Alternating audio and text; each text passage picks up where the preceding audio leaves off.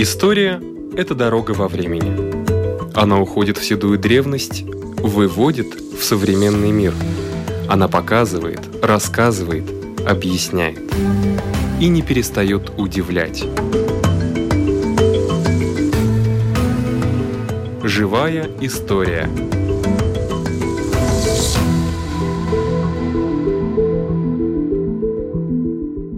У микрофона Лидия Чера.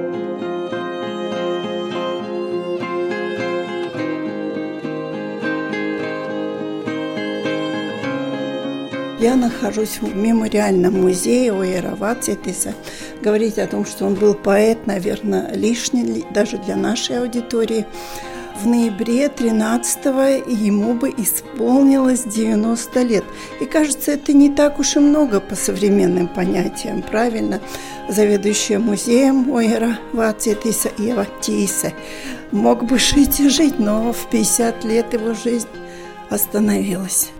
Да, я согласна с вами. Жизнь могла бы гораздо дольше, дольше да, да. да.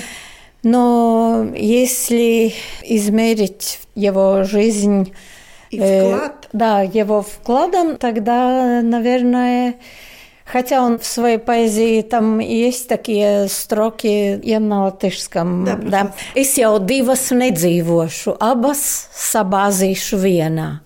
Он действительно хотел, чтобы его единственная жизнь была бы насыщенной. насыщенной Не столь да, долгой, но насыщенной. Да, насыщенной. Ну, Райнис собирался 300 лет жить тоже. Да, и да. тоже не так уж долго получилось им. Да, 64. Ну вот две выставки проходят. Выставка в музее Оэра Вацитиса в связи с юбилеем и выставка в музее Райниса и Аспазии в Риге да. на улице Базницес. И вся она, в общем-то, посвящена как бы проблеме одиночества этих двух поэтов. Ну, и какая-то связь между ними. Не совсем так. Посвященная выставка один, посвященная проблеме, как трудно и легко быть вертикалью своего творческого времени своей эпохи, скажем да, своей так. эпохи, да, именно. И в этом видится похожесть какая-то. Да, правда, мы хотели сделать выставку Райнису Ояра Вацетиса, поскольку когда Вацетис еще в школе учился, когда он познакомился с творчеством Райниса благодаря своей одной чудесной учительнице Алме Стуре. Она познакомила его э, с поэзией Райниса, и он познакомился и с пьесами Райниса и показала ему глубину этой э, поэзии. Глубину, да? kā tāda ceļazīme. Путеводная звезда, Да, как путеводная так. звезда, да, и по этой пути Райниса Ему хотелось следовать, и Райнис действительно был очень важной личностью творчества Вацетиса, и потом тоже. Мы смотрели, находили в разных периодах стихотворения, которые посвященные Райнису, разным проблемам. Цитировал он э, некоторые стихи Райниса и писал какие-то парафразы, отвечал на его вопросы.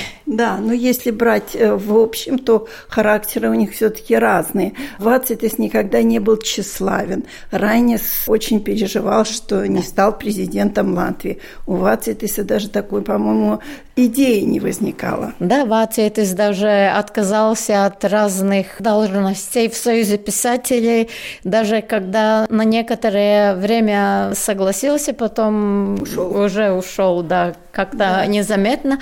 Так же, как ушел из разных компаний, когда праздновали Лигу даже, сидели у костра, и он вдруг ушел, уехал должен был быть свой пар Даугаве один со своей тетрадью, где записывал свои стихотворения. Но, как сейчас говорят, это был не публичный человек. Да. А все-таки вот эта учительница, она у него была там, где он родился или уже в Риге? Нет, она была в Траппене. Он там родился, там он э, в школу первые семь классов. Траппене, Траппене. это какой район? Это Видземе, сейчас Смилтенес новац. Но а там что-то сохранилось, дом его? Там есть музей местный, самоуправление, несколько комнат, посвященных Вациетис рассказывает там о его семье. И рядом э, на втором этаже музей э, Линарда Лайцена, мемориальный. Интересный музей. Да, можно сказать, личности рождались там да. в Трапене. Да, это место, о которой vācietis писал, kur manī reiz ar nedzēšamu tinti, и Касинс пilienā bija rakstīts Латвия. Это то место, где у него начинается Латвия. Почему он переехал оттуда вот в Ригу? Как он оказался в Риге? Ну, он закончил эту Трапинскую школу, да. 7 классов, потом э, учился в Гауена, в средней школе. Это тоже где-то рядом с Это Цейси? километров 20 от Трапена, тоже э, рядом с Ведземским шоссе. И потом он поступил в университет, филологический факультет, и приехал в Ригу учиться. Жил в общежитии, потом познакомился с девушкой, которая в русском курсе училась, с Людмилой. Вот я вначале думала, что Людмилу Азарову он привез из России. Нет, она уже была здесь. Она была здесь. У Людмилы такая интересная семейная история. Семья ее матери – уехала в Россию, когда там можно было землю Получить. дали да, крестьянам. Да. То есть мать у нее была отсюда? Отсюда, да, Эмма Димпена ее. Маму звали? Да. И они жили где-то в Южной Сибири, довольно богато, в латышской да. деревне. И Людмила всегда рассказывала, что ее бабушка, которая там жила, за все время по-русски могла сказать только два слова «хорошо» и «хлеб». Эти два слова. Так что там чисто латышская среда, эта да. среда была. И в начале 20 века, когда Латвия уже стала независимой, они ехали домой. И мама Людмилы, еще девочка 9 или 10-летняя, осталась в Петербурге у родственников, чтобы закончить школьный год, чтобы семья устроилась в Латвии. А оказалось, что потом уже ей нельзя было приехать. И она осталась там, закончила школу закончила латышский техникум учителей латышских. Там латышские организации в то время Было, да. в России очень многие были. И когда учился в техникуме, девушки ходили на какие-то вечера, вечера и да. там встречались со студентами высшее учебное заведение ну, как военной какой-то. И там она познакомилась с Тимофеем Азаровым. Познакомились. Полюбили. Полюбили, да, поженились. И потом родилась Людмила. Людмила родилась в 1935 году. В 1935 году, 11 апреля. Да, и там они жили, но как она оказалась вот э, они... Людмила здесь, в Латвии. Обратно приехала. Отец довольно высокий очень занимал в этой военной среде, но для его карьеры было опасно и нехорошо то, что у него жена латышка. И, как рассказывала Людмила, это, наверное, по рассказам ее матери, что он должен был, дочь он мог оставить, оставить себе, да. себе, но от жены он должен был отказаться. Но он это не сделал. Он нашел себе работу в Сибири, в Новосибирске, в полигоне – и они уехали всей семьей туда. Оставили квартиру в Москве, набережная Софии. Окна выходили на Кремль. Эту квартиру оставили и уехали в Сибирь. И там он, работая в полигоне, заболел и в 43 году скончался. Правда, Людмила так и до конца своих дней не верила, что Это что так, это была случайность. Что это была случайность, да. Потом мама с Людмилой приехали в Москву, свою квартиру не искали. Хорошие люди сказали, что им там появляться не надо. И уже когда можно было приехать в Ригу, приехали в Ригу, они не говорили между собой по-латышски. Да, мама считала, что это может быть опасно. Приехали, мама начала работать, а Людмилу отдала к родственникам, где ее двоюродные братья и сестры все говорили только на латышском. И мама очень волновалась, что ну, Людмила, как да, ее с ним... Нет, да. Через две недели она ездила туда, нашла маленький словарик, чтобы Людмиле помочь. И как она рассказывала, мне навстречу идет Людмила и говорит со мной на латышском. Людмила сама сказала, вошла в латышский язык, как в теплую воду. Вот так она выучила латышский язык. А как она познакомилась с Вацетисом? Именно тогда, когда училась? Когда училась. Она работала комитете комсомола филологического факультета, и она отвечала за стенную газету. И один раз она сказала, сидела у этого большого листа ватмана, и плакала. Никто ничего не пишет, никто ничего не рисует, как сделать да. эту стенгазету. И к ней подошел парень студент, парень, да, блондин, молодой, красивый, и сказал, не плачь, я все да. сделаю, я нарисую, я напишу. И так они познакомились. Да, в свое время Людмила Азарова говорила, что многие девушки бегали за да. Ойером, но ему надо было, чтобы бегал он. Я, правда, от Людмилы эти слова не слышала, но спасибо. Да. Девушки из курса Ояра Вацетис э, довольно ревниво относились э, к тому, что Вацетис с русской девушкой, они считали, она русская, а в русской да. группе училась. Но потом ее приняли как свою. свою. Вот сейчас пойдем по выставке. Вот эти высвеченные работы, что это, это за работа? Это мы откуда? Э, начали делать план выставки о том, как Вацетис полюбил Райниса, и потом какие-то в поэзии или цитаты, или темы у них разные. И мы решили, что это уединенность. У Вации это уединенность, а у Райниса вентулиба. Одиночество. Одиночество, да. Как бы одно и то же, но все-таки по-разному. К той проблеме, что творческая личность... Э, она всегда одинока. Она одна всегда одинока.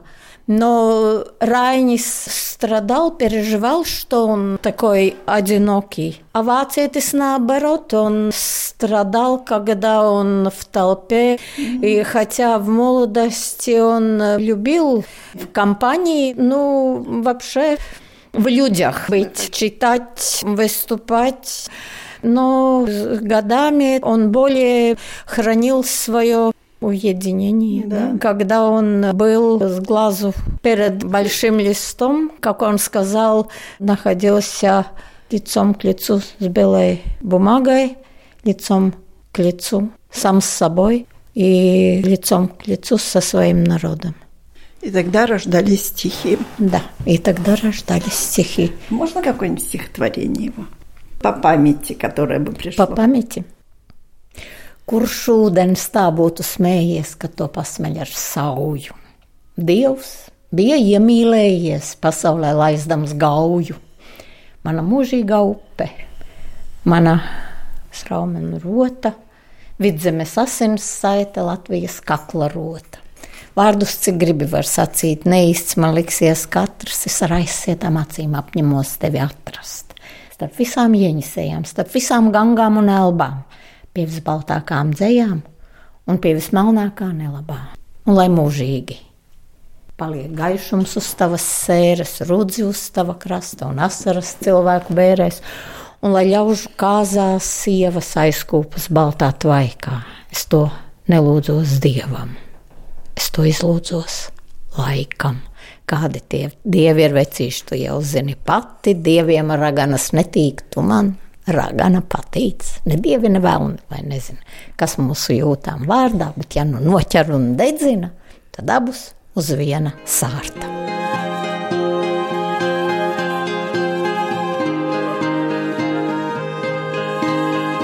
Вацитис будет говорить о Райнисе. То есть мы как бы позвоним в музей Rainis и услышим. Daudz ko mēs jau redzam skaidri, bet daudzajā ziņā tikai nojaušam šī iespēja kontūras. Un kā tad, lai šeit divos vārdos pasaka, ko devis Rainis tieši vienam cilvēkam?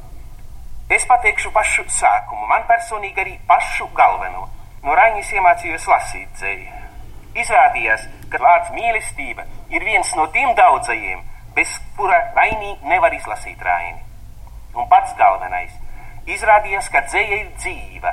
Izrādījās, ka dzējā nav uzrakstīti no nu, kaut kurienes ņemti tādi izredzēto pārdzīvojumi, bet tu pats vari izlasīt tajos savus, savus priekus, savus bēdas. Tas bija apvērsums manā pasaulē. Un es esmu pateicīgs savai skolotājai par to, ka šis apvērsums nāca tik agri un ka tā bija raņedzējā, ko tas tika izdarīts. Послушали голос Уэра Вацетиса.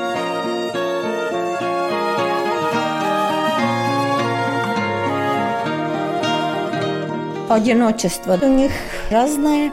И власть, которая в то время была, их баловала обоих, награждала, их цензировала, их осуждала. И некоторые такие проблемы, которые у них как Одинаковые. бы параллельные. У обоих были жены, которые помогали им, которые Понимали тоже творчески, да. да. И у Райниса Аспазия, у Вацетис Людмила Азарова. У обоих были сложные отношения с властью. Как я уже говорила, цензировали, осуждали и награждали, использовали. Оба любили Латвию, но Райнис полтора десятилетия прожил вне Латвии.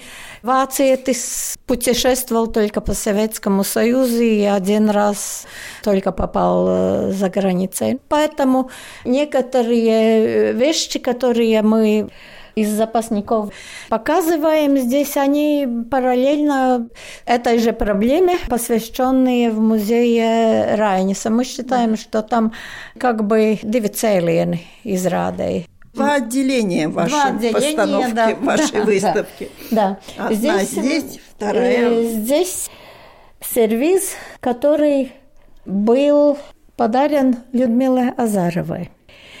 Уже в последние годы Советского Союза Советский Союз э, заказал э, в Югославии, в городе Риека, танкер, которого назвали Оярс Вацетис.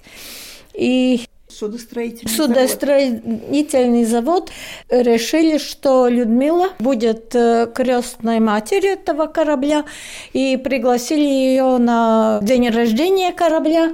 И они сказали, что она должна заплатить за дорогу, билет купить и... А дальше уже завод берет на себя. Да, да. да.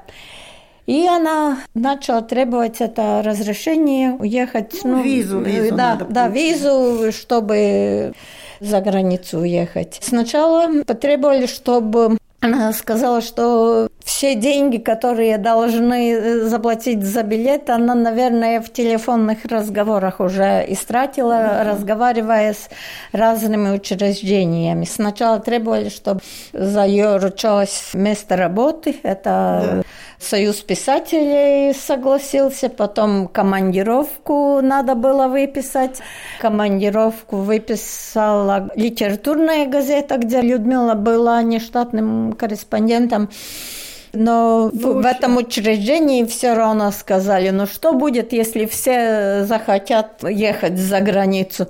И Людмила всегда рассказывала, что в то время она вдруг поняла, родилась у нее такое остроумие, она спросила, а какой следующий корабль Советский Союз будет построен? Ответили Богдан Хмельницкий. Разве вдова Богдана Хмельницкого тоже потребовала? Да но ее не выпустили. К ней приехала команда корабля, и хотя они были советские моряки, но даже они не поверили, э, что ее не выпустили. Они подумали, что она просто недостаточно хотела. Хотела, да. Но уже когда Латвия стала свободной, Людмила туристической группой поехала в Хорватию, в Риеку, и там вот этот сервис, подарок для нее ждал ее. Долго и, пришлось ждать да, подарка. Эти чашки она, да, да, она очень любила. Ну, вот это был первый такой, скажем, экземпляр, о котором да. мы обговорили. Это комната Людмилы Азаровой, рабочая комната, ее письменный стол тут, и гостиная тоже. Поэтому... То есть они здесь не жили, это не был весь их дом, это да. была их квартира только, Это да? была их квартира, да. да. На первом и этаже. Э, на ее письменном столе ее записная тетрадь. Вацетис не писал дневник, сам. Он сказал, что весь его дневник – это его, его стихи. стихи. И Людмила тоже не разрешил. Но она почти каждый год, в начале года, начала писать какие-то заметки о том, что произошло, что интересно должна запомнить.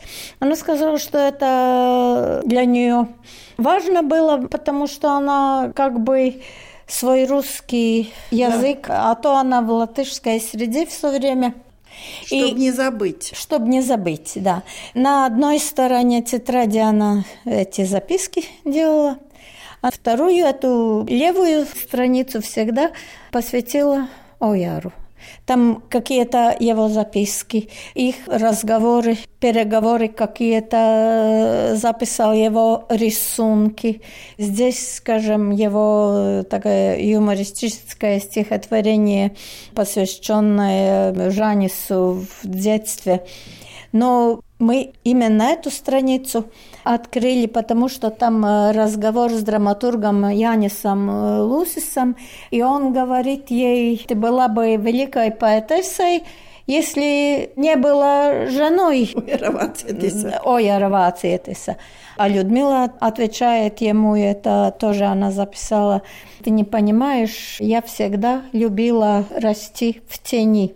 Это для нее очень характерно было. Она когда уже жила в Даугаугрива, когда летнее время было э, жаркое, она любила приехать сюда, сидеть здесь в своей комнате или в саду, в тени. И она сказала, мы были такие балтиелачи, белые мишки, да. которые не очень любили да, жаркое да. солнце. И здесь написано «Скайлу саулу не пацешу, man patika augt ēna». А, это из да, ее это слов. Следующий, вот этот меня интересует. Что за клоун? А это, наверное, многим известно, что Вациетис перевел на латышский язык роман Михаила Булгакова «Мастер и Маргарита», книгу, которую он считал непереводимой даже. Это как бы экзамен, чтобы проверить себя. Никто не ждал этот перевод, никому он это не обещал. Он переводил пока в стол. Переводил, да, и это манускрипт его уже машинописный исправлениями. Эту обложку такую сделал он сам. Это тоже параллель в некотором роде с Райнисом. Райнис перевел э, на латышский э, «Фауст», Гёте, а в основе романа Булгакова тоже Фауст. Ну да. Это тоже такая параллель. Как здесь написано, Meistars un Margarita, darbs, ar kuru biju, esmu un laikam palikšu slims. Да, он сам сказал, что перевел это, чтобы проверить себя и чтобы кто-то другой не взялся за эту работу и не испортил бы все. Он считал, что чтобы перевести мастера и Маргариту, переводчик должен viņam jābūt ar absolūtu dzirdi literatūrā. Нужен абсолютный слух, чтобы Да, так да. перевести так это И он сказал, что он считает, что это у него удалось. Книги для них это... э, Вот эти книги, это э, их книги? Нет, их книги у нас в Краюмс. Мы их обработали, сосчитали, узнали все, что надо. Вот эту кучу Да. мы... Эту стену книг. Книг, да, мы из наших пассивной библиотеки и, и наши посетители тоже.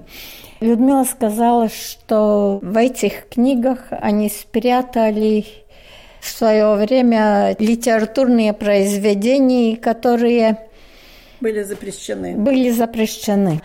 И ничего из этого не сохранилось. Мы об этом переживали в музее, но сейчас уже после ухода Людмилы ее сын везет нам материал ее архива. И вот среди них мы нашли один из таких самиздата произведений Гумилев к «Синей звезде» 1923 года издания. Так что в этом году столетие. Да, это было Это, запрещено, да. Да, тексты, Гумилев которые были опасны, но это самое лучшее образование для поэта и поэтессы. Ну, что мы увидим в комнате?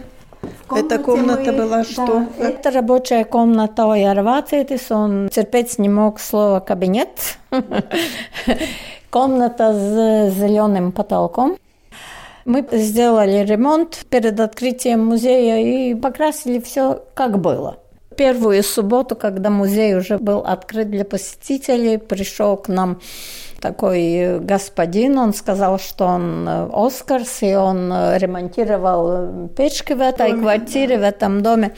И когда он работал, Оярс к нему пришел посмотреть, что он делает, и поговорить. И он тогда сказал Оскару, что у него в рабочей комнате обязательно нужен зеленый потолок. И вот тогда в этом разговоре с Оскаром я поднимаю глаза и вижу, что у нас действительно зеленый потолок. Вы так и сделали. Мы так и сделали, но мы хотели узнать, с какого времени этот потолок зеленый здесь был. Или когда семья Вацети сделали ремонт в этой квартире, или они покрасили, или это уже сохранилось с с давних времен, когда, скажем, в этом доме был э, трактир, и комната Людмилы, и вся остальная квартира был э, зал, где сидели гости ресторана. И здесь может быть рабочая комната, где Оя Равация, это может быть бильярдная была. Но мы ответа так и не нашли. Людмила не помнила, что там случилось с этим потолком. Ну, так это вопрос летает в воздухе. Может, кто-то среди наших может. слушателей да. знает ответ, почему потолок должен был быть зеленым. Ояр Вацетис в сущности поэт, который зеленой природе Уделял много внимания. Да. Ну и здесь в этой комнате выделены разные карты, буклеты, и это путешествия, которые не состоялись, может быть так. Он всегда собирал карты, путеводители разные, значки из разных мест там в... Коллекционер, в да. общем, он был, да, ему нравилось. Но, да, но одна карта, карта Советского Союза того времени, где он сам зарисовал все места, куда он поехал в э, границах Советского Союза. Он сказал, что он объехал почти все, только крайний север остался и Средняя Азия.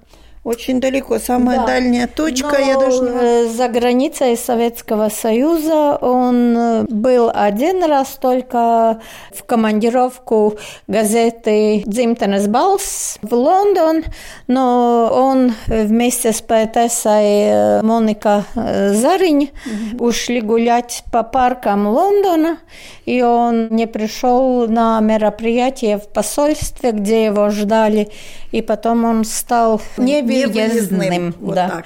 Да. Ну и карта Австралии, где он никогда не был, тоже среди этих. Ну это как бы содержание этой коллекции. Те путешествия, о которых он мог только мечтать. Но вот он сам сказал, что его обижает в том, что он все время сидит в своем доме и не появляется в обществе.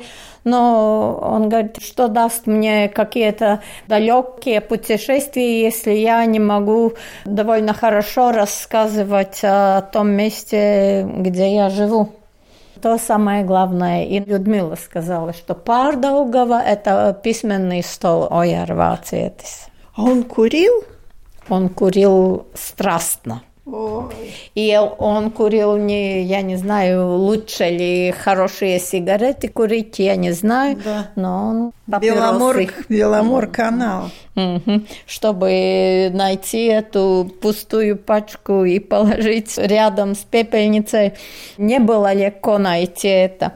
Ну и здесь еще один экспонат, который достоин внимания и рассказывает о его отношениям с властью. И это орден «Знак почета». В 1966 году большая группа творческих работников, там э, разные были награждены с разными орденами, медалями. И среди них Вācietis и Иманс Зедонис. Плечом к плечу они пошли в Верховный Совет за этими орденами.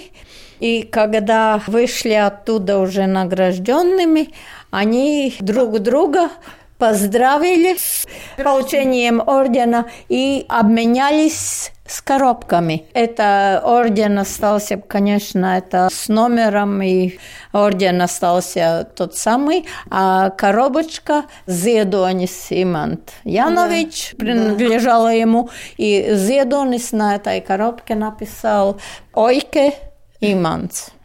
Ойкам Иманс. В музее Зедониса коробочка белого цвета, и, да, эм, имкам Оярс.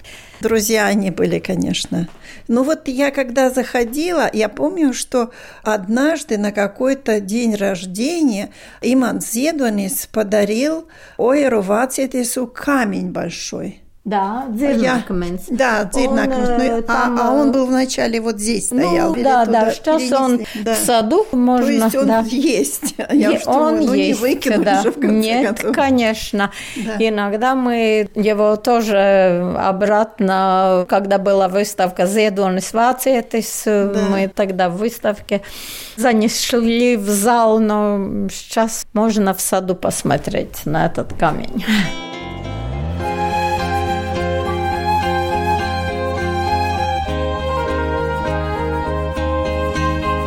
А 13 именно в день рождения, в день рождения, 90-летие, будет что-то в музее? Да, будет. Мы будем э, ждать гостей. Здесь бесплатно можно будет посещать музей. Будет звучать голос Соя Равациетиса стихи. И потом с 14 до 16 можно будет поговорить с членами семьи Вациетиса. Они здесь будет. э, Сын Жанис, внук Мартинш. И вечером будет мероприятие юбилейное в Национальной библиотеке. Спасибо. У нашего микрофона, так любезно пригласив меня в гости в мемориальную квартиру поэтов Людмилы Азаровой и Уира Вацетиса, заведующая этим музеем Ева Тейсе. На этом наша передача заканчивается. Всего вам доброго.